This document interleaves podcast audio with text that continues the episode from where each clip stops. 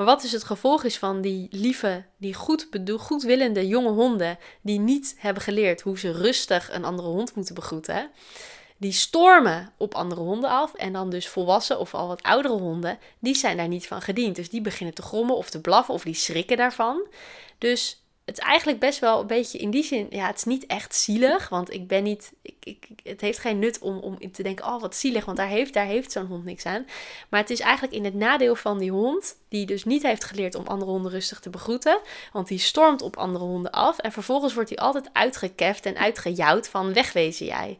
Dus hij wil heel graag met andere honden spelen, hij stormt erop af, wordt vervolgens weggestuurd en heeft dus nooit een andere hond om mee te spelen. Hey, ik ben Ankie en dit is de In Verbinding met Je Dier podcast. Leuk dat je luistert. Ja, hallo allemaal en welkom bij weer een nieuwe aflevering van de In Verbinding met Je Dier podcast. Super leuk dat je er bent, super leuk dat je luistert. Ik heb er zin in, ik ben er klaar voor. en ik hoop jij ook trouwens. Um, waar ik het vandaag met jullie over wil hebben zijn hondenmanieren. En uh, ja, misschien dat deze podcast daarmee iets minder interessant is voor mensen die verder niet heel veel met honden hebben. Maar als je wel uh, wat met honden hebt, als je zelf honden hebt of er zijn honden in je leven, blijf dan vooral even luisteren, want ik denk dat dit uh, voor alle hondenliefhebbers wel een hele interessante aflevering wordt. En voor de andere mensen die meer van andere dieren houden, er zijn nog uh, ongeveer 100 afleveringen hiervoor die je ook allemaal kunt luisteren. En die uh, ook specifiek, of die niet specifiek over één diersoort gaan. Dus die kun je ook lekker, daar kun je ook gewoon genoeg informatie en, en, en tips en alles uithalen. Um, waarom wil ik het vandaag met jullie hebben over hondenmanieren? Ik heb mijn hond Maya nu een week of negen of tien. Nou ja, iets langer dan twee maanden. Um, en Maya is een uh, fantastische hond. Ik ben heel blij met haar. En zij komt uit Servië. Daar is zij, uh, uh, zij was daar zwerfhond. Zij leefde daar op een vuilnisbelt. Zij is daar gevonden. Toen had ze ook vier pups op de vuilnisbelt. En zij is met pups en al is ze gered. Um, en is ze door, een hele, door een hele lieve mevrouw in Servië opgevangen. Later is ze naar Nederland gekomen. Daar is ze ook heel fijn opgevangen. En daarna kwam ze bij mij. En Maya heeft um, um, in haar tijd als zwerfhond heeft zij met veel kwam ze vaak ook andere honden tegen um, en heeft ze volgens mij ook met andere honden samengeleefd en heeft ze echt hondentaal geleerd. Zij heeft bijvoorbeeld geleerd, een klein voorbeeld daarvan is dat als zij een andere hond tegenkomt, dat is dus heel vriendelijk en rustig en sociaal naar andere honden. En als zij andere, een andere hond tegenkomt, dan gaat ze er niet zomaar op af, maar dan loopt ze er eerst met een boogje omheen. Dat is eigenlijk een soort van Dit heb ik van haar geleerd. Dit heeft ze me verteld dat het heel beleefd is als honden elkaar tegenkomen. Dat ze niet zomaar bom frontaal op elkaar afrennen. Maar dat ze eerst even met een boogje om elkaar heen gaan. Terwijl ze aan de grond meestal snuffelen. Dan snuffelen ze even aan wat anders. En ze kijken meestal ook even weg.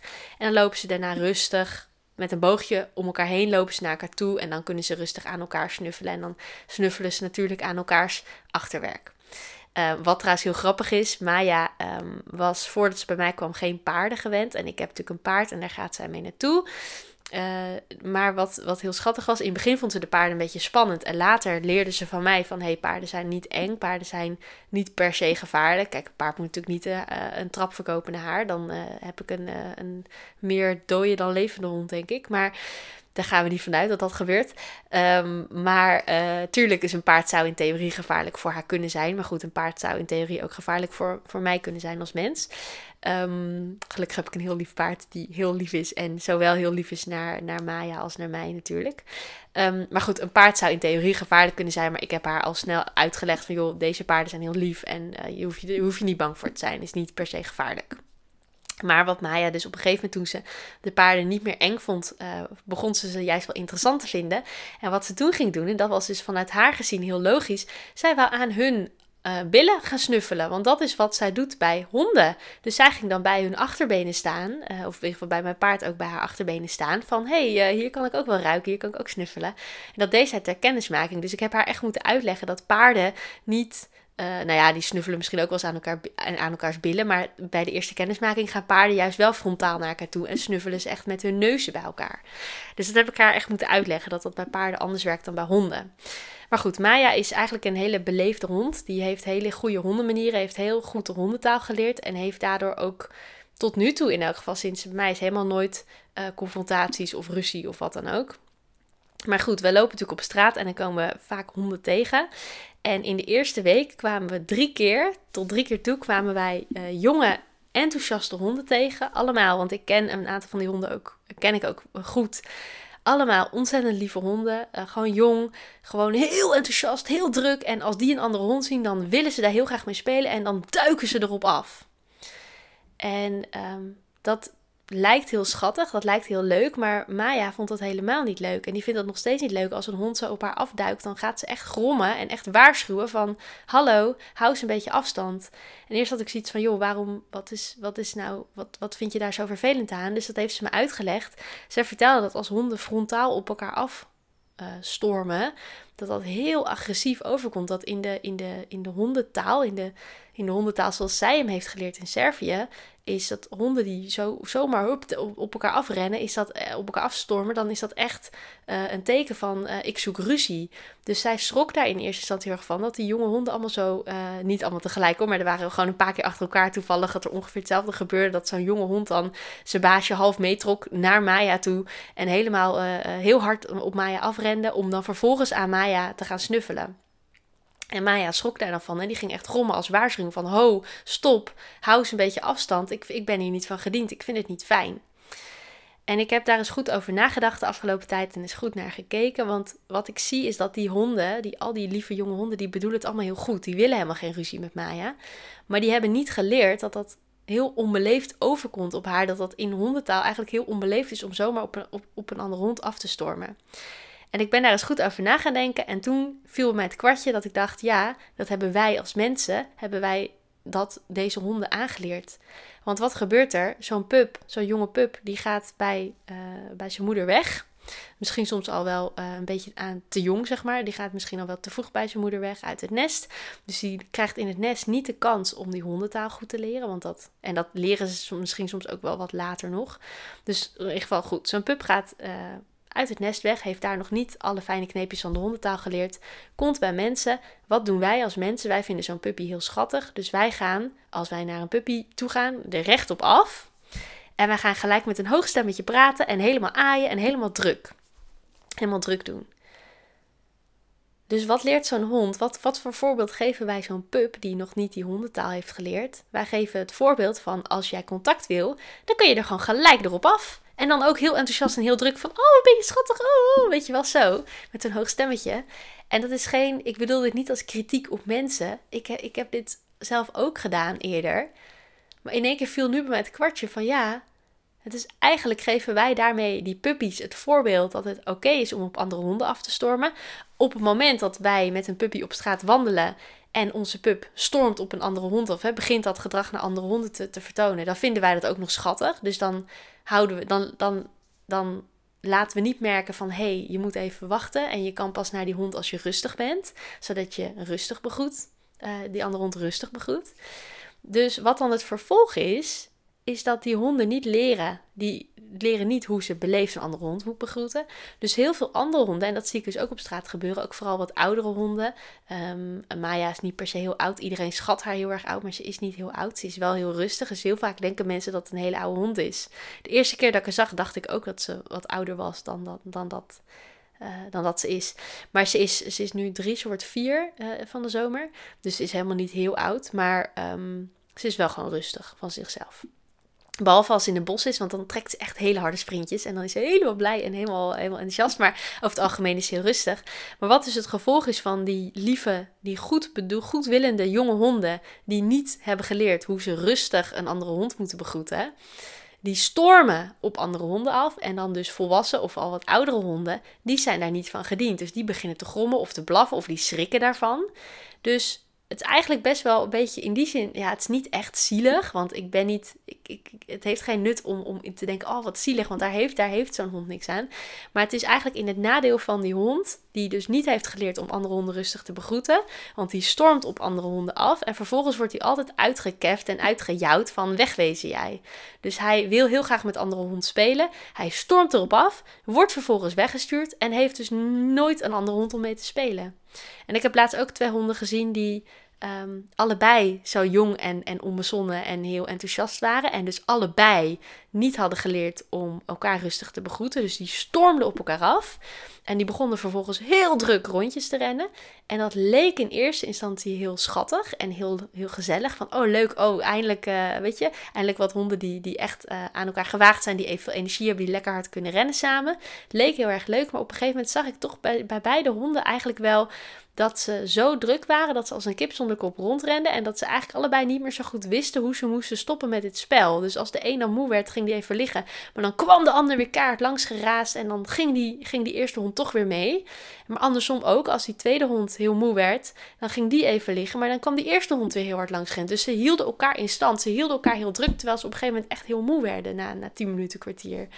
En toen zag ik eigenlijk bij beide best wel wat stress ontstaan. Dus toen dacht ik van ja ze hebben gewoon niet geleerd hoe ze zichzelf moeten begrenzen. En dat kunnen, kunnen we ze niet kwalijk nemen, want het zijn nog jonge honden. Maar dan is het aan ons mensen dus wel de taak om jonge honden te leren om rustig met andere honden om te gaan. Om niet zomaar erop af te stormen, maar om die rustig te begroeten. En een keer uh, wat drukker spel kan best, maar niet de hele tijd. Dus daarin hebben wij als mensen de taak om onze pups en onze jonge honden uh, te begrenzen en te beschermen. Ook een beetje tegen zichzelf. Met kinderen werkt dat net zo. Uh, soms kunnen kinderen zo enorm druk doen. Uh, dat ze, en dan vinden ze dat ook leuk. Hè? Dan willen ze ook niet stoppen met druk doen. Maar soms moet je ze wel begrenzen en beschermen tegen zichzelf. Want soms zijn kinderen doen ze, worden ze ook gewoon heel druk omdat ze eigenlijk heel moe zijn. Honden kunnen dat net zo goed hebben trouwens. Dus um, ja, wat, en wat trouwens ook wel een misverstandje is, is dat sommige mensen de lichaamstaal van honden ook wel um, ja, op een manier aflezen die volgens mij niet helemaal passend is bij hoe de hond het bedoelt. Dus de hond laat lichaamstaal zien en bedoelt daar iets mee, maar de mensen uh, interpreteren dat dan anders en die, die begrijpen de hond dan eigenlijk niet. Want ik had laatst dat er ook weer zo'n jonge hond op Maya af wou duiken, af wou rennen. Maya begon te grommen, dus ik zei tegen Maya van Um, blijf maar gewoon even achter mij. Want, dan, want ik was wel even in gesprek met de eigenaar van die hond. Uh, dus ik zei van, joh, blijf maar even achter mij. Dan heb je geen last van die hond. Dan kan ik die hond, als hij te dichtbij komt, kan ik die hond voor jou wegsturen. Want dan denk ik, dan hoeft Maya het zelf niet te doen. Hoeft ze niet te gaan grobben. Hoeft ze ook niet te gaan blaffen of boos te worden. Dan uh, ben ik gewoon even degene die, uh, die de grenzen stelt voor haar. Dus Maya die ging achter mij staan. Uh, maar die was ondertussen nog aan het kwispelen. Dus die eigenaar van die hond is tegen mij. Ja, maar, want ik legde uit van, nou Maya, die houdt niet zo. Want die, die jonge hond die wil spelen. Ik zei, nou Maya houdt niet van spelen. Dit is voor Maya te druk. Zij uh, vindt dat niet fijn. Dus ik had daar even een gesprek over met die, met die persoon. En toen zei hij van, ja, maar, uh, ja, maar Maya staat wel te kwispelen. Dus ze vindt het wel leuk. Ik zei, nou nee, dit vindt ze niet leuk. Want wat ik dus, en dat wist ik dus ook heel lang niet hoor. Maar heb ik op een gegeven moment geleerd dat er zijn verschillende soorten um, verschillende manieren van kwispelen. En uh, een hond kan inderdaad kwispelen van enthousiasme en blijdschap. Maar een hond kan ook kwispelen van stress of van um, uh, een beetje ongemak. Hè, van zich geen houding weten met de situatie. Niet zo goed weten wat hij nou moet doen.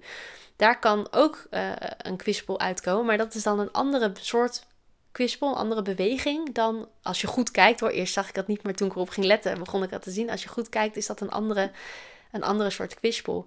Dus um, ja, als je dit interessant vindt, google dit, ga je hierin verdiepen, want het is echt onwijs interessante materie. Maar zo zie je maar dat, dat ook met de lichaamstaal aflezen, dat kan best nauw komen. En soms interpreteren mensen dat op een hele andere manier dan, dat, dan wat de hond ermee wil zeggen, dan wat de hond ermee wil aangeven.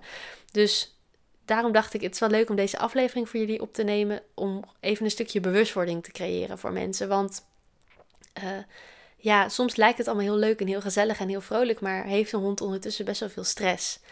Uh, en ja, het leuke is wel dat Maya was de eerste week ontzettend beledigd door al die honden die zomaar op haar afdoken, waar zij dan vervolgens hartstikke van schrok, omdat zij dacht dat ze ruzie zochten met haar.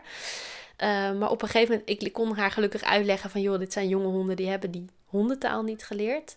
Nou, nog steeds vindt ze dat niet leuk hoor. Vindt ze die honden dan, dat gedrag van die honden vindt ze dan heel vervelend. Maar ze tolereert het omdat ik aan haar heb gevraagd om een beetje geduld te hebben met zulke jonge honden die die taal niet hebben geleerd. Die die taal eigenlijk gewoon niet machtig zijn. Het is eigenlijk gewoon een sociale onhandigheid van die honden. Want ze hebben nooit de kans gekregen om het te leren. Um, dus Maya tolereert het omdat ik dat uh, aan, van haar heb gevraagd. ze is echt heel lief. Uh, maar wat was nou mijn punt hiermee?